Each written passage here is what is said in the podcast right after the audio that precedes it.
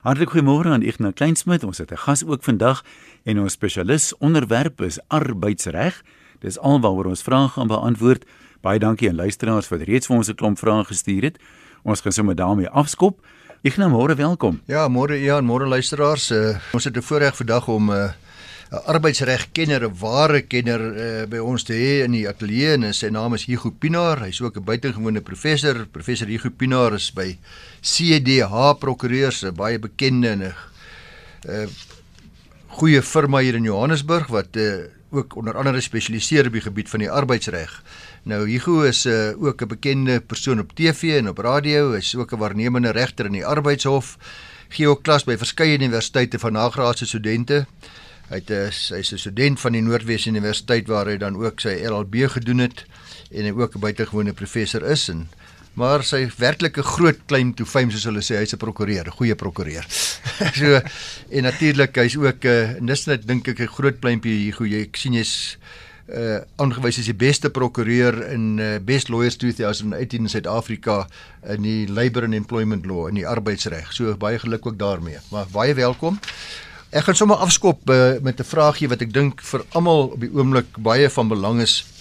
Ek was die afgelope naweek hier by Kloofse 'n pragtige lodge by Millersdrift met 'n baie goeie bestuur en personeel en ek het daar by hulle gehoor dat troues is afgestel, uh konferensies is gekanselleer, alles het oornag weer, 'n dramatiese afname aan aktiwiteite.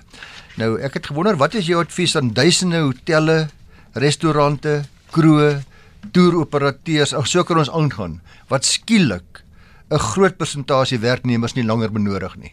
Wat wat kan hulle doen? Ek het nou daar gesien, daar word byvoorbeeld gekyk na die moontlikheid om almal wat verlof het nou te laat verlof neem. Maar kan mens byvoorbeeld mense verplig om met onbetaalde verlof te gaan? Uh moet jy dadelik met afleggings begin? Wat is die planne wat mense kan maak? Ja. Dankie Ignas. Ehm um, dit is natuurlik 'n vraag wat elke werkgewer op die oomblik ja. in die rand in die land mee gekonfronteer word. Ehm um, in in elke bedryf. En die wetgewing wat destyds geskryf is, het nie voorsiening gemaak vir hierdie tipe situasie waarna ons tans bevind nie. So ons bevind onsself tot 'n groot mate in onbeperkte onbekende waters. Eh, so daar's sekere riglyne wat ons kan volg. Daar's gewone wetgewing wat van toepassing is as 'n persoon siek is, wat natuurlik die gewone siekteverlof en so meer ter sprake kom, maar ons praat oor baie meer as dit op die oomblik. Want op die oomblik praat ons van een wat doen die werkgewer op op op op fabrieksvlak met ander woorde kan ons kyk kan ons met ons werknemers praat en sê jy weet as jy siek is natuurlik moet jy jou siekteverlof gebruik onderhewig aan die normale reëls ehm um, maar as jou siekteverlof byvoorbeeld uitgeput is kan ek met jou praat om jou gewone verlof te gebruik net ten einde die uh, dit minder swaar op die werknemer te maak. So dit is een van die aspekte waarna die werkgewers kyk. Vergeet die vergeet die wetgewing. Kom ons kyk ja. hoe ons mekaar kan ja, akkommodeer. Ja, hoe ons die skade kan minimaliseer vir almal. Absoluut, presies dit. En dan sê jy kyk na siekteverlof, uh, ag ag uh, gewone verlof. Ja. En as jy dit nie meer kan gebruik nie, weet dan kyk werkgewers na ander goed. Hulle kyk soms na rotering en so meer. Maar daar is natuurlik ook nou onder die werkloosheidsversekering ehm um, wat algemeen maar die mense praat van die UIF, UIF ja. dat as jy sou self uh huis toe gaan en vir rehabilitasie of vir ehm um, uh sukkel nou met die Afrikaanse term. Ja. Maar as jy jouself inperk vir die eindes van die koronavirus, dat jy dan natuurlik ehm um, onder die eh, onder daai wetgewing voordeel het. Dis 'n nuwe regulasie. Dis 'n nuwe regulasie wat sopas uit is. Daar's gisterand of oor die naweek goed uitgekom rondom uh onder die ou wat jy genoem het die COIDA Act, die kompensasie vir Occupational Diseases Act waar hulle sê maar uh, as jy 'n werksverband te besering het, met ander woorde as jy onder 'n hoë risiko omgewing werk, byvoorbeeld ehm um, health ehm um, gesondheidswerknemers, dan sal jy ook binne daai wetgewing kan 'n vorm van kompensasie kry. Goed, nou sit ek hier so in my besigheidjie of my restaurant of my kroeg waar ek nogal, ek het 10 werknemers. Watter vyf laat ek nou verlof neem en watter vyf bly? Ja. Dis 'n vraag. Ja, wel billikheid is natuurlik altyd die deurslaggewende faktor binne die arbeidsomgewing. So jy sal kyk byvoorbeeld wie het verlof en probeer ja, dit ja, ja, eers adresseer. Ja. So heeltyd die punt wat jy gemaak het probeer die die effek op die werknemer verminder, maar ook natuurlik die effek op die werkgewer. Ons gaan nou daaroor kan praat. Ja. Ehm ja. um, so jy sal daarna kyk en jy sal objektief met mense probeer 'n gesprek voer en probeer ooreenkomste bereik wat dit betref. En dan wat sommige werkgewers doen, hulle probeer hulle roteer. Uh afhangende natuurlik van die werkslaas en of dit prakties moontlik is, kan ek mense roteer. Want 'n restaurant wat 10 werknemers het, uh, het nou natuurlik net 3 nodig. Ja. Uh, so jy weet jy probeer op daai manier ook die die die skade vir die werknemer min of meer uh, gelyk maak. En jy weet ons almal daar's vakbonde en daar's ook onbillike werknemers en daar's baie mense wat egosentries is en selfsugtig is wat net net self dink. My werker in hierdie voorbeeld van wat nou sê kom julle kom ons vat die wat verlof het vat verlof kom ons gee vir julle almal vir 3 maande uh onbetaalde verlof. En dan kyk ons weer miskien gaan ons weer alles in besigheid terugwees normaal. Die wat weier Ja. Wat is nou die werkgewer se posisie wat hulle betref? Ja, dit sal afhang van die omstandighede. Een natuurlik meeste werkgewers wat marginaliseer is, opereer by oomblik is dit makliker om te bestuur, maar jy sal kan kom by 'n punt waar jy kan sê dis hierdie ander beginsels van force majeure wat ons algemeen bekend staan as ja. act of god en so meer. Oormag, so ja. dis 'n omstandighede totaal buite die werkgewer se beheer en buite die werknemer se beheer. So as daar uh, omstandighede kom sê nou daar's 'n total lockdown, uh, wat dit ook al is nou ja. Frans. As dit bevoor dan sien nie die werkgewer in staat om te presteer nie, maar ook nie die werknemer nie. So daai gemeenregtelike beginsels kom ook ter sprake. Uh, en dan sal die mense waarskynlik sonder betaling kan uh, moet gaan. Ehm um, en die werkgewer sal dit in gegee omstandighede eensydig kan implementeer. Sê ek kan nie jou diens vir gebruik maak nie. Ja. So omstandighede totaal buite my beheer. So my bedryfsvereistes um, ook wat nou 'n rol speel, ja, nê. Nee. En dan later kom die ander aspek presies wat jy nou ook noem, ja. byvoorbeeld soos moontlike afleggings en so meer. Jy kan dit selfs doen binne die kader van 'n alternatief tot 'n aflegging wat waarskynlik 'n veilige roete is. Ehm um, maar jy sal eers in gesprek met werknemers gaan ten einde ooreenkomste te bereik. Uh, waar dit nie nodig is nie, sal werkgewers later eensydig dit moet implementeer. Kan ek net 'n vraag vra hier na aanleiding van wat Suzette sê? Daar is nou mense wat permanent in diens is waaroor ons nou gepraat het, maar daar is ook 'n humanitêre aspek hier aan verbonde. Mense met huishulpe wat byvoorbeeld een keer 'n week inkom om te kom stryk en skoonmaak en so aan. Wat doen 'n mens met hulle? Want veral ouer mense wat dikwels juis die die hulp nodig het, hmm. Is ook 'n groot risiko en uh, sommige mense sê, jy weet, moenie besoekers ontvang nie, moenie dat hulle inkom nie. Uh moet mense hulle enigstens betaal? Kan jy vir hulle sê bly weg tot verdere kennisgewing? Wat moet mense gedagte hou voor jy besluit daaroor neem? Ja, ek dink in die eerste plek sê kyk is die, die persoon uh kwalifiseer hy of sy vir siekteverlof waarskynlik nie in jou scenario nie. Tweede een sê kyk, maar kom ons kyk het jy jou verlof gebruik. En dan later van wie omstandighede buite jou beheer want dis iets wat jy nou nie kan beheer nie. Uh, kan jy die persoon op onbetaalde verlof sit, maar dit moet absoluut die laaste opsie wees. En dan sal jy natuurlik uh ook kyk waar jy mense kan help met uh, werkloosheidsversekeringseise, die UIF tipe eise wat dit moontlik is. En uiteindelik sal meer meestelikheid waarskynlik in ons omstandighede ja. in die wêreld en in Suid-Afrika hopelik ons harte almal mooi versag om ook vir die wat die die swaarste kry daarom te probeer uitkoms gee. Ja, absoluut. En daar is werkgewers wat reeds hierdie beginsels begin ja. implementeer waar hulle sê uh, byvoorbeeld ek gaan salaris uh, beperkings instel. Ek gaan in feite verminderde salarisse betaal. Ek gaan hulle sê maar op die hoogste vlak vat jy byvoorbeeld 'n 30% uh afname in salaris. Op die laagste vlak byvoorbeeld 5 of 10%. Ja. So die punt wat ek nou maak is net so geldig uh, jy moet versag waar die mense die swaarste kry. Onthou ook dat dit die mense op die laagste vlak is die mense wat gewoonlik 10 of meer afhanklikes het vir wie hulle sorg van wie ons hoog hoe uh, werkloosheidssyfer. Daar is waarskynlik ook huishulpe wat op die basis werk. Ons vryskut ouens hier by die SAIK. Hulle kan enige dag vir jou sê jy hoef nie volgende week in te kom nie. No work, no pay. Dis so eenvoudig soos dit. Nou is seker ook die sogenaamde casual workers wat op so 'n basis kom wat 'n mens net kan sê, hoorie, jy hoef nou nie meer in te kom nie en daar's geen verpligtinge weerskant te doen nie. Nee, jy weet ons het nou by die Raad van Balies Vrydag het 'n uh, nou of een hulle vakbond vir ons 'n baie mooi plan voorgelê van wat wie almal dalk van die huis af kan werk, wat hulle van die huis af kan doen, hoeveel ure hulle nog kan insit en wie noodsaaklike werkers is op kantoor self. En ons het dadelik dit aanvaar omdat daai mense moet inry met busse en treine baie van hulle in Kaapstad toe. Hmm en dit is net nie vir hulle aanvaarbaar nie. Mens kan ook dit nie van hulle verwag in hierdie omstandighede nie. So almal probeer maar agteroorbuig om te kyk of mense mekaar tegemoet kan kom. Maar kom ek vra nou net vir jou die voorbeeld die is 'n werkgewer verplig om 'n werknemer wat in isolasie is te betaal vir daardie tydperk. Kom ons kyk net die persoon wat nou werklik die siekte kry. Ja. Jou gewone siekteverlof voordele sal ja. van toepassing wees. Ja.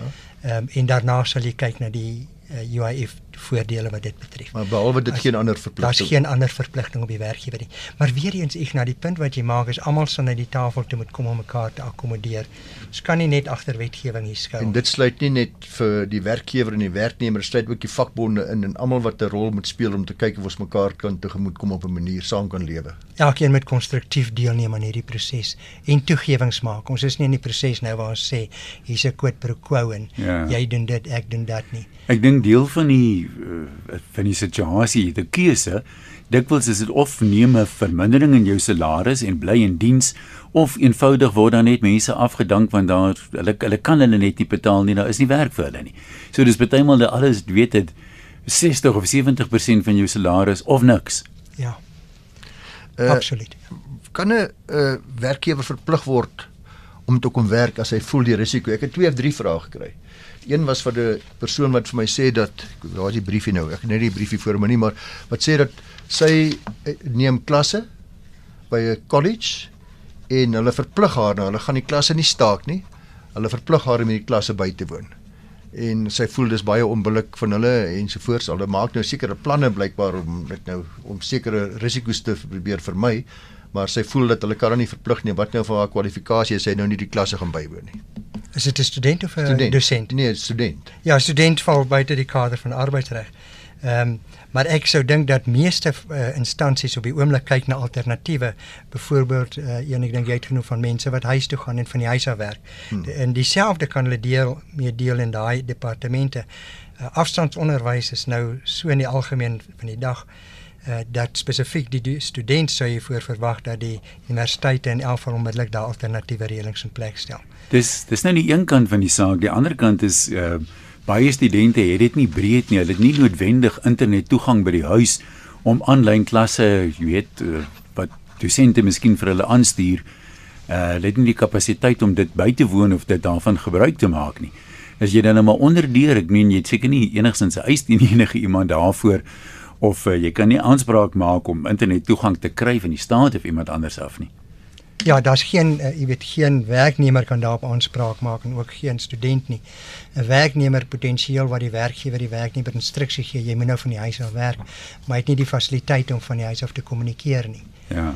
Uh, dit bring 'n ander vraag, jy weet as die huis die werksplek is, dan word dit jy moet die werksplek van 'n veilige werksomgewing voorsien. Hoe doen jy dit van iemand wat van die huis af werk? Ja, nou is daar natuurlik mense wat dit eenvoudig nie kan doen nie. Hier's 'n navraag van iemand wat sê hy's 'n loodgieter. Hy sal baie graag van die huis af wil werk, maar hy's hy kan nie sien hoe dit kan maak ja. werk nie. Ja. Ek het ook gesien die huis hulp wat vir haar werkgewer laat weet dat sy gaan ook van die huis af werk. Ehm uh, en nie soos die instruksies wat mevrou by die huis nie of meneer net by die huis moet volg. Nee, ja, toe. Dan is die vraag of 'n werk 'n werker, 'n werknemer uh verplig kan word om werk toe te kom as hy voel die risiko van blootstelling by die werksplek is vir hom te te groot te veel. Ja. In 'n woorde ek sê vir hierdie man ek het nou allerlei planne gemaak, daar spuit goedjies by die hier en jy in, in ons maak dit so skoon as moontlik, maar ek het jou ongelukkig nodig, jy is die ontvangsdame. Hmm. Uh jy moet hier wees, jy moet uh, sekere noodsaaklike dienste verrig. Kan hy weier? Ja. Hy of sy? Die vraag is is dit 'n redelike instruksie? Ja en uh, in die normale gang van sake sal dit 'n redelike instruksie wees. Die interessantheid van hierdie vraag Ignas natuurlik, hierdie tipe dispute gaan besleg word 6 en 8 maande na vandag en dan almal altyd die voordeel van uh, terugblik, die hmm. wysheid van terugblik. En dan gaan jy sê maar vandag is dit waarskynlik 'n redelike instruksie, maar as jy kyk na statistieke 'n paar jaar, 'n paar maande van hier af, dan is dit waarskynlik 'n is dit potensiële werknemer se posisie om te sê dit was 'n redelike weiering. En we say the hindsight is an exact science, né? Ja. Ja. Maar jy weet hierdie ding en net ook ons antwoorde vandag dit dit is soos die regering se posisie rondom wat hulle moet beplan. Dit kan daagliks verander. Um, en so ook die regsposisie. As daar byvoorbeeld 'n uh, totale uh, shutdown is, dan is al hierdie vrae in 'n different konteks en ook die antwoorde, want dan beteken dit soos ek gesê het, niemand is in staat om sy deel van die kontrak na te kom. Ja, Dani Pinaar het baie is nou nie regtig op die arbeidsreg geskoei nie, maar hy het 'n baie interessante vraag gevra wat van iemand wat uh wat nou van weet wat van Duitsland afkom en wat uh, wat duidelik die virus wat in kontak was met ander mense en wat nou so optree dat hy ander mense kan infekteer.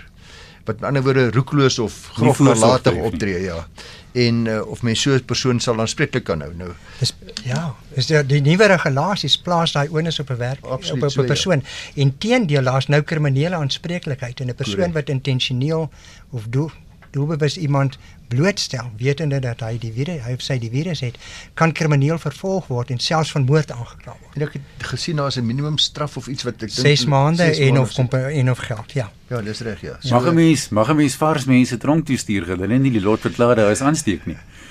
ja, onthou dat dit is interessant dat die werkgewer derentyd 'n onus om werknemers van 'n veilige werksomstandighede te voorsien. Nou die die gevangene is nie in veilige werksomstandighede nie. Dis nie 'n werknemer ja. nie, maar die onus om die omgewing veilig te hou is 'n gemeenregtelike be, beginsel. En as die gevangenes owerhede dit nie doen nie, is daar groot potensiële eise wat kan kom voor spreidingtyd. Wat van mense is 'n vraag oor iemand wat in die in die mediese sektor werk, dokters, verpleegsters, die tipe van mense. Hulle is nou in die voorste linie om die virus te beveg. Hulle is die mense wat die toetse moet doen, wat die behandeling moet doen, maar hulle is ook blootgestel meer as die gemiddelde mens. Mag so 'n dokter nou sê nee, die risiko is te groot, ek gaan my afsonder vir 2 weke? Uh, ek meen die hele gesondheidstelsel gaan in duie stort as as genoeg mense dit doen.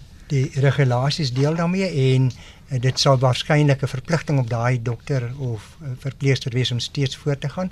Maar soos ek gesê het oor die naweek het daar nuwe regulasies uitgekom om vir hulle addisionele kompensasie te gee. Natuurlik kan daai persoon sê my het kompensasie gaan nie ja. opmaak vir my siekte nie. Ehm uh, maar dit is 'n proses waar jy daai spesifieke werkskeuses maak wat onderhewig is aan sekere norm uh, morele verpligtinge. Net terwyl van perspektief, ek meen dokters en verpleegsters is in elk geval meer blootgestel aan ander aansteeklike siektes.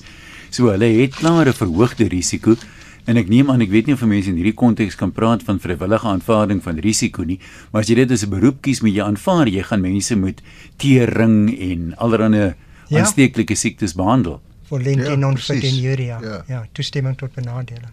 Ja. Ek het iewers 'n artikel gelees en ek seker jy het dit geskryf uh oor die unintended consequences. Ja. Uh so 'n bietjie wil jy vir ons luister as 'n bietjie iets daarvan ook deel. Die unintended consequences ja. of of of COVID-19. Ja.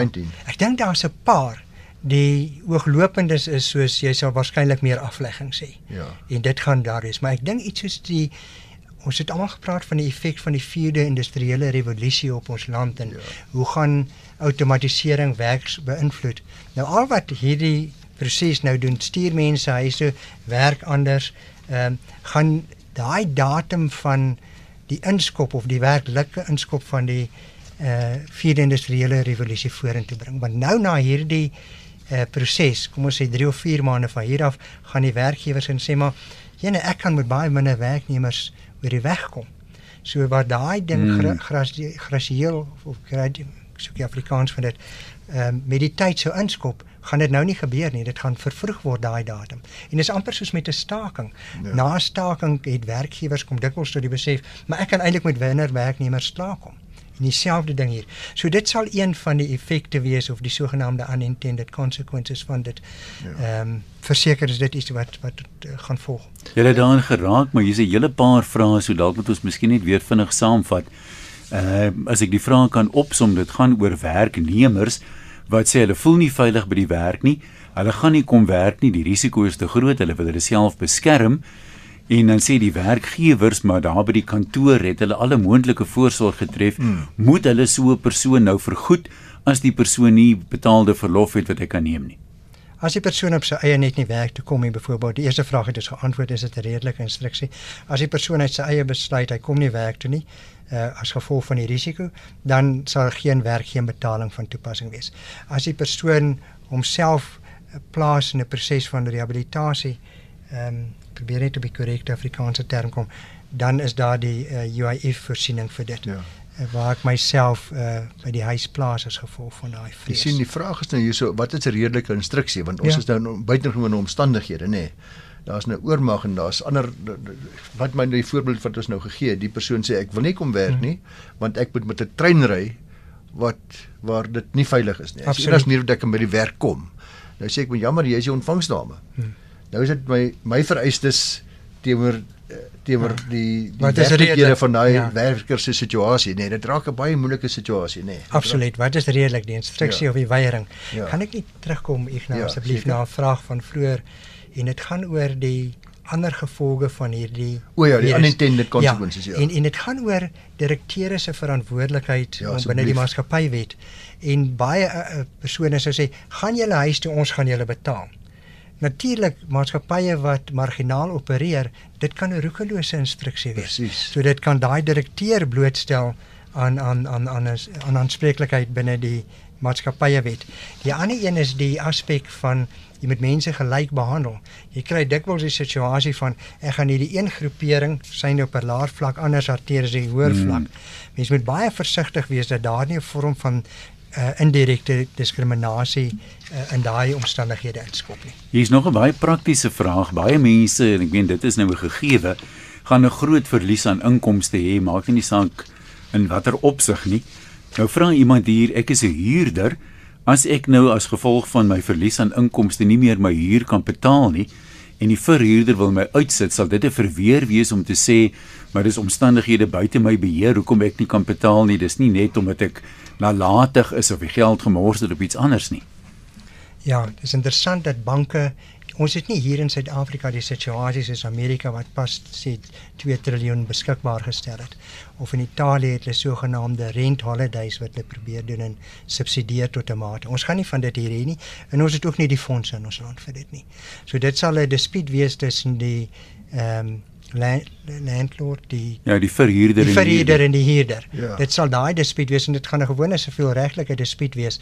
Uh, maar dis nie 'n verweer wat 'n mens kan opreg. Onmoontlikheid om te betaal is nie 'n verweer nie. Uh. Maar weer eens dit sal interessant wees of die howe later 'n uh, uh, equity beginsel probeer inbring hoewel hulle dit nie doen nie. Jy sien dit by die konstitusionele hof gebeur, maar die ander howe het nie ruimte vir dit nie behalwe die arbeidshof.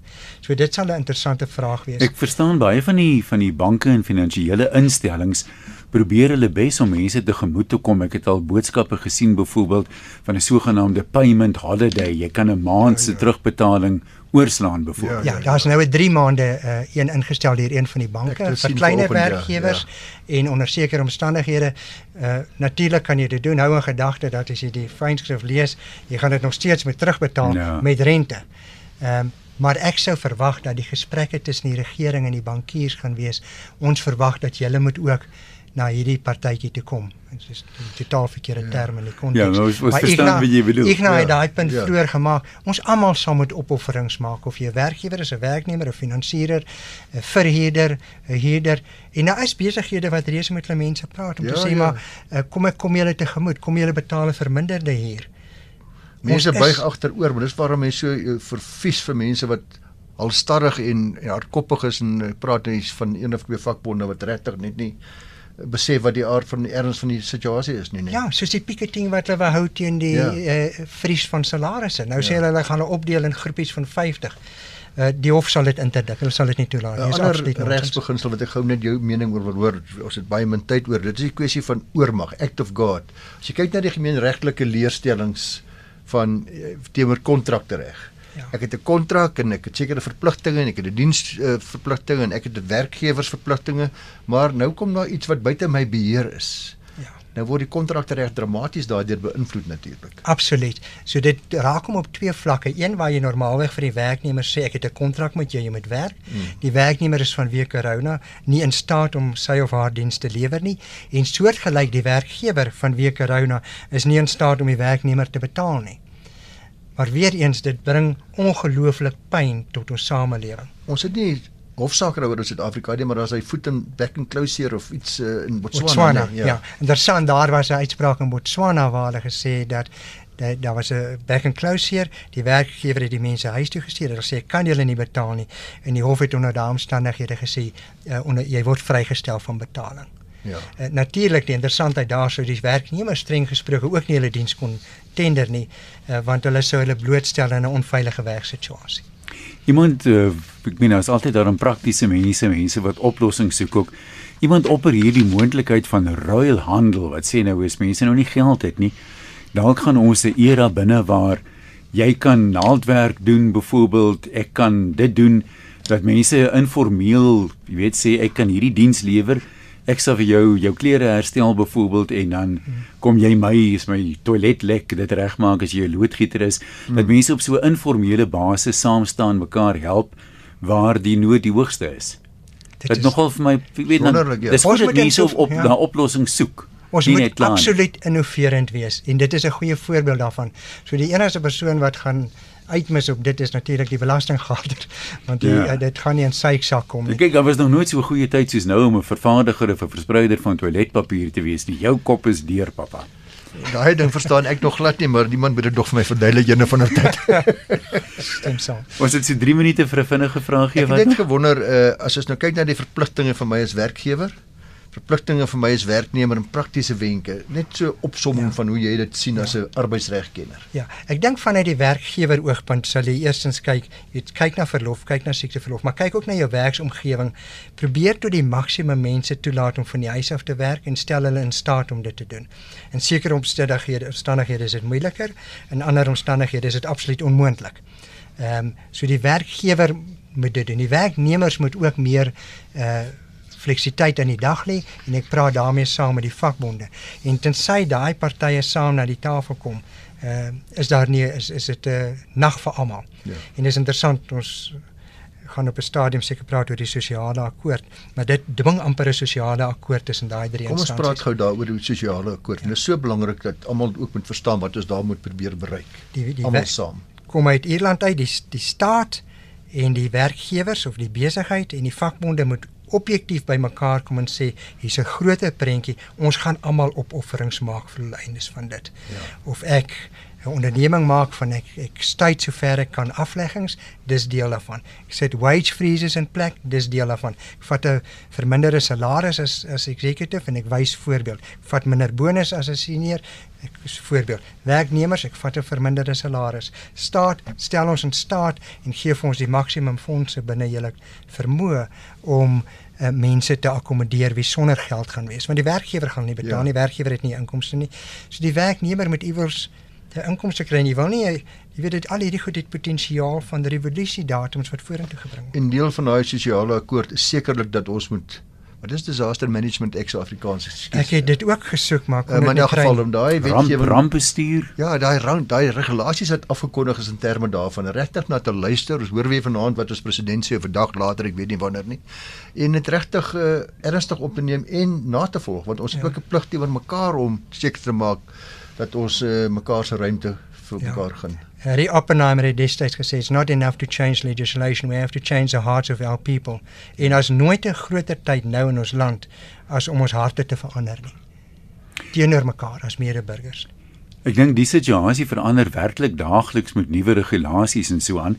So beluister maar na RSG se nuusbulletins uh, wat baie gereeld uitgesaai word die jongste nuus oor wat die jongste maatreëls is sal daar uh, uitgesaai word uh en moenie na fopnuus luister nie. Ons sal nie fopnuus uitsaai op ons nuusbulletins nie.